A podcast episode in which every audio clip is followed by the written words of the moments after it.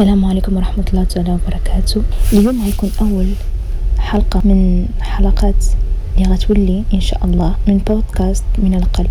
تسألون علاش اخترت من القلب في العنوان ديال البودكاست نتاعي. اخترت هذا العنوان حيتاش اللي غنكون غنتحدث فيه على جميع الأحاسيس والأحداث اللي واجهتها أو بالأحرى واجهها قلبي. منها كانت جميلة ومنها كانت مصدر القوة ديالي. عشت فيها أحداث صعيبة.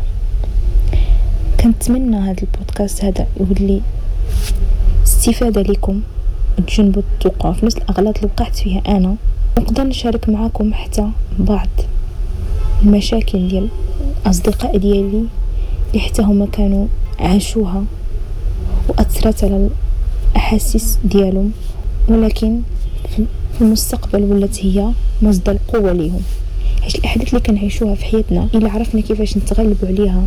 غترجع هي مصدر القوة ديالنا ولا غتخلينا نحققوا أشياء كثيرة في المستقبل. هذا البودكاست غيعطينا واحد النظرة شاملة اللي غيجينا من المستقبل ومن الأحداث اللي عاشوها بعض الناس أو شي أحداث اللي عشتها أنا غنعرفها عليكم كنتمنى أن تعم الفائدة القادم يكون أجمل.